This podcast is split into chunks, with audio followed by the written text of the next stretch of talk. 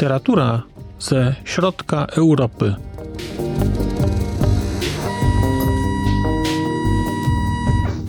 Podcast około książkowy.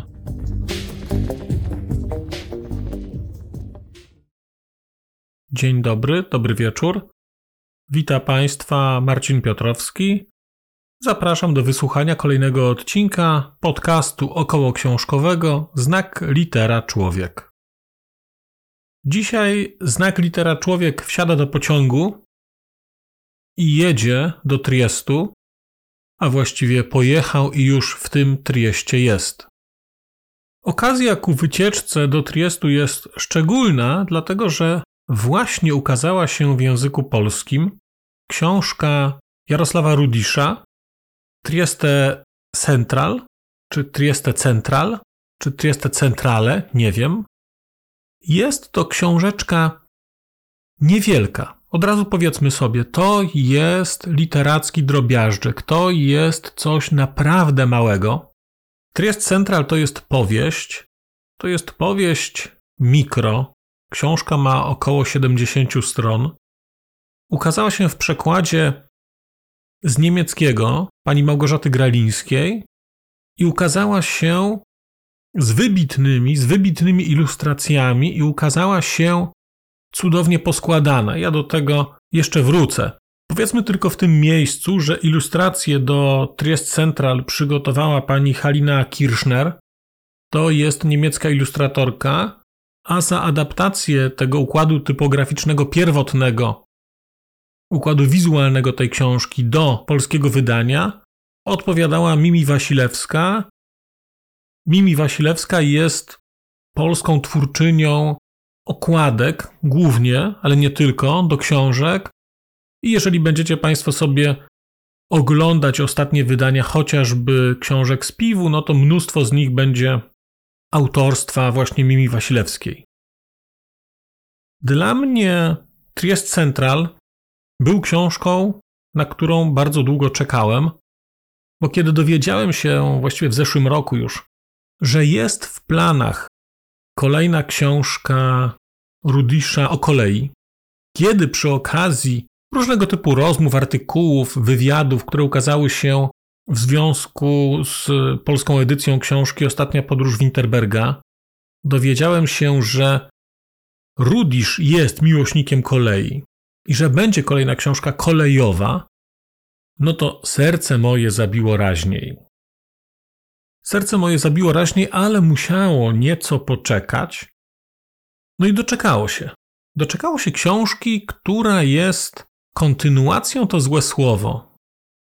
Gdyby to był podcast o filmach, to powiedziałbym, że Triest Central to jest spin-off do książki Ostatnia podróż Winterberga. Bo mamy tutaj głównych bohaterów, mamy cały kontekst tamtej książki, ale jednocześnie mamy mikrohistoryjkę, która jest tutaj zawarta. Wydaje mi się, że bez szkody dla głównego tytułu, dla ostatniej podróży Winterberga, Triest Central mógłby się znaleźć jako fragment tamtej głównej książki. Tak się jednak nie stało. Triest Central ukazuje się jako rzecz osobna, jako książka osobna, i muszę powiedzieć, że mnie to cieszy, mnie to cieszy, bo po roku miałem okazję powrócić trochę mentalnie do ostatniej podróży Winterberga, którą bardzo bym chciał przeczytać ponownie. Ta książka mi się bardzo podobała. Mam ją w pamięci. No ale, jak powiedział Italo Calvino, czasu przeznaczonego sobie mamy tyle, ile mamy, no i wydaje mi się, że ostatnia podróż Winterberga jest wysoko na liście książek do przeczytania ponownie, a być może nawet do, na liście książek, które wydaje się, że przeczytaliśmy, ale tak naprawdę przeczytaliśmy je tylko pozornie. Ja bym do tamtej książki bardzo chciał wrócić. No ale jeszcze nie wróciłem, za to poczułem się, jakbym wrócił. To było, muszę przyznać, z mojej strony bardzo unikalne doświadczenie czytelnicze. Bo Miałem jakoś w głowie trochę taki wypolerowany przez czas obraz ostatniej podróży Winterberga. Miałem w głowie coś, co jest takim ideałem, I trochę czasami bywa tak, że z perspektywy czasu łaskawiej patrzymy na niektóre rzeczy. I mimo, że mi się książka Jarosława Rudisza już kiedyś podobała, to mam wrażenie, że w głowie ona cały czas u mnie jeszcze wybrzmiewa, bo to jest jedna z tych książek, które naprawdę chcę przeczytać ponownie. I im bardziej to odkładam, tym bardziej buduję w głowie mit tego pierwszego oryginalnego czytania. I kiedy wziąłem do ręki Triest Central, no to miałem bardzo wysoko te oczekiwania zbudowane i zastanawiałem się, czy się nie rozczaruję. Zastanawiałem się, czy Rudisz u mnie dźwignie to obciążenie, które na niego nakładałem. I to było coś niesamowitego. To było coś niesamowitego, jak po pierwszym akapicie, dosłownie po pierwszym akapicie, wróciło do mnie wszystko, co czułem, kiedy czytałem pierwszą książkę. Wrócił do mnie język, wróciło do mnie to winterbergowe ględzenie, wróciło do mnie słuchanie, a jednocześnie niesłuchanie Krausa, wróciło do mnie wszystko, co stanowiło o takiej literackiej unikalności książki Jarosława Rudisza. Bo w tym pierwszym akapicie, w tej otwierającej wypowiedzi Winterberga, jest wszystko, w czym zakochałem się w tej książce.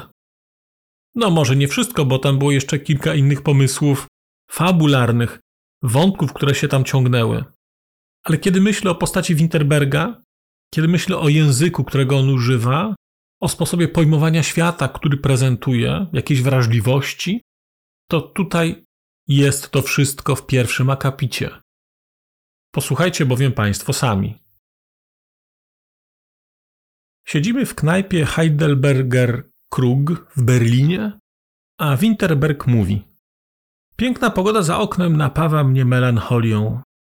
To całe słońce, te wszystkie długie, ciepłe dni, to całe lato smutne, smutne. Nic na to nie poradzę. Ładna pogoda zawsze napełniała mnie melancholią. To całe słońce i lato. Zawsze o wiele bardziej wolałem brzydką pogodę, jesień lub zimę.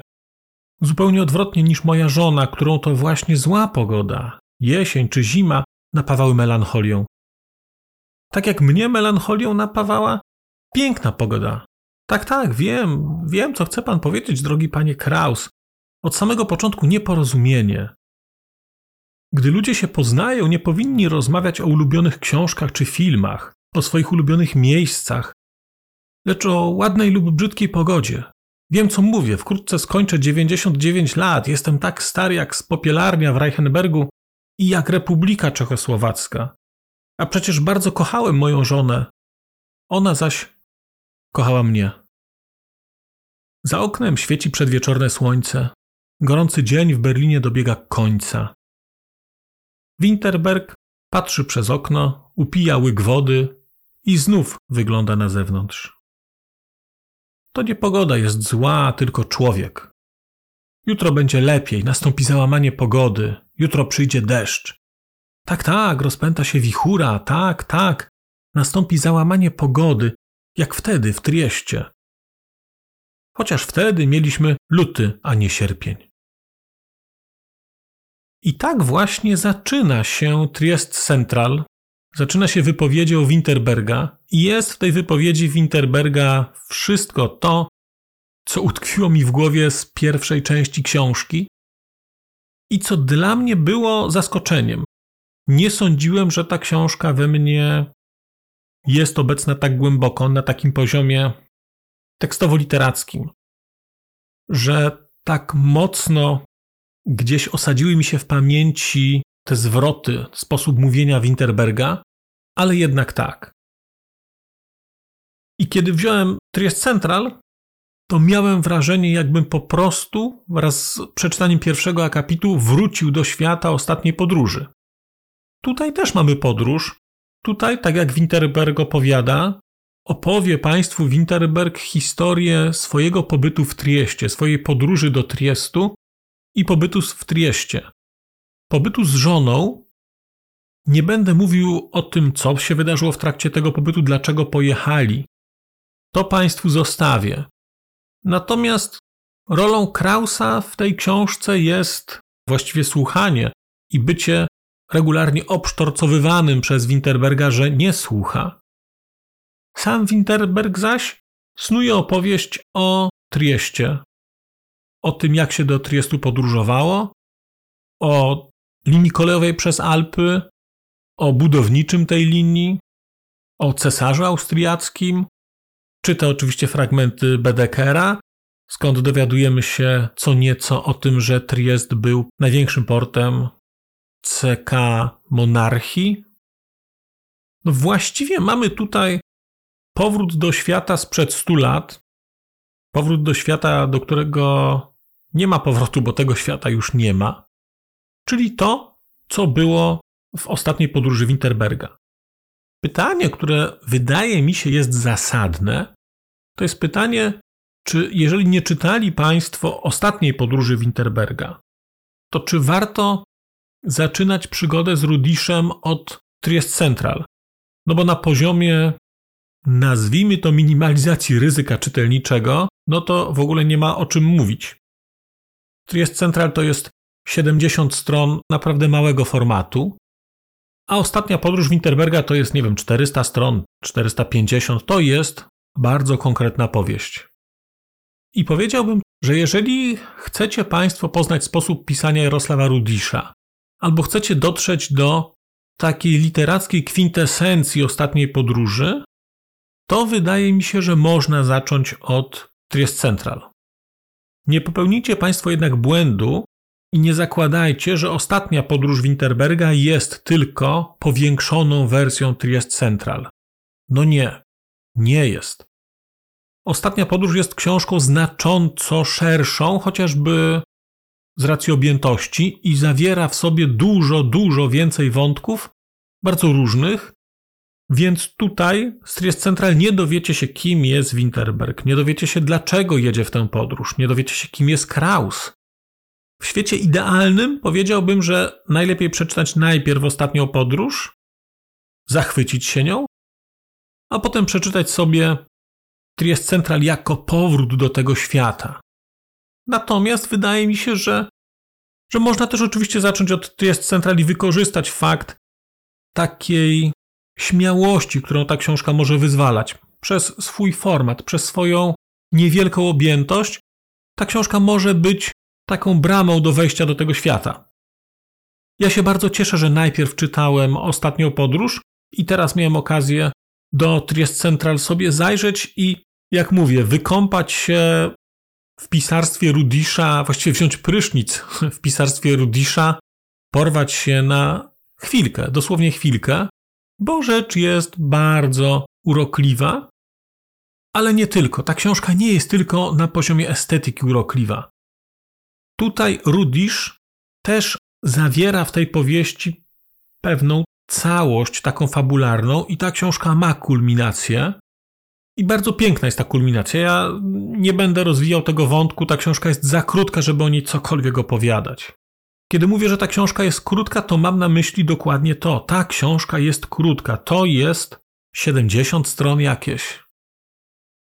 Na dodatek jest to 70 stron książki fizycznie niewielkiego formatu. I to jest ten moment, chyba żebym powiedział dwa słowa o tym, jak ta książka jest wydana. Być może część z Państwa żyje jeszcze w świecie, w którym ilustrowane są tylko książki dla dzieci.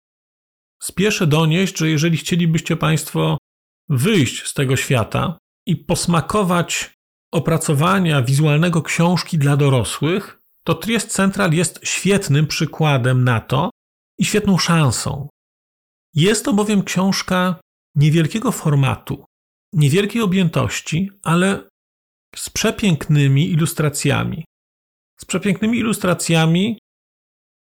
Niektóre z nich są na takich rozkładówkach, natomiast to są więcej niż ilustracje, bo te obrazki, te rysunki stanowią integralną część tekstu. One są w ten tekst wplecione, bo to, że otwieramy dwie strony i mamy piękne obrazki na rozkładówce, to jest jedno. Ale czasami fragmenty tych obrazków, fragmenty tych ilustracji są osadzone w samym tekście, są tym tekstem oblane. Ten tekst nie układa się tak, jak klasycznie układa się w książkach. Nie wszystkie rzeczy są tutaj wlane w ten prostokąt, który w większości powieści jest wyjustowany, jest wyrównany do prawej i do lewej strony.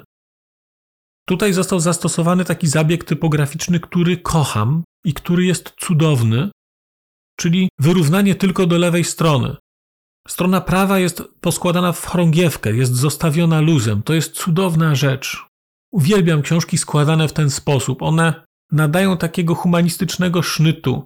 Niczego nie obiecują, a wszystko dają. I tutaj udało się to zrobić.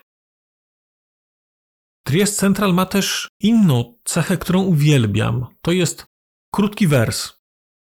Jeżeli czytacie Państwo czasami książki akademickie, tam o nich można powiedzieć wszystko, ale nie to, że mają krótki wers. Te rzeczy ciągną się od prawej do lewej, także czasami oko się nawet zgubi. Tutaj niczego takiego nie ma. Te wersy są naprawdę krótkie. To się czyta, no może nie jak poezję, ale to oko przeskakuje do końca linii momentalnie i momentalnie przeskakuje do następnej linii. Na dodatek całość jest poskładana takim krojem bezszeryfowym, co też dodaje takiej lekkości. Ja ogólnie nie przepadam za powieściami czy za dłuższymi formami składanymi rzeczami bezszeryfowymi. Tutaj to się udało zrobić i to jest idea tego układu typograficznego całości, który jest tutaj spójny. Przez to, że mamy krótki wers, możemy zdecydować się na wyrównanie do lewej strony. Przez to, że te bloki tekstu są dosyć smukłe. Mamy wrażenie takiej trochę świetlistości tego. Mamy takie cudowne nautyczne cyfry, które pokazują numerację stron. Te nautyczne cyfry są dla mnie też takim dotknięciem tradycji. One są jeszcze na dodatek duże, to widać to pływanie. Widać, jak jedna jest wyżej, druga jest niżej. To jest takie piękne. To jest takie piękno typografii. No miałem przyjemność patrzenia na tę książkę. No niestety cierpię na jakąś typografiozę i mam przyjemność z patrzenia na litery. Ja nawet ich nie muszę czytać.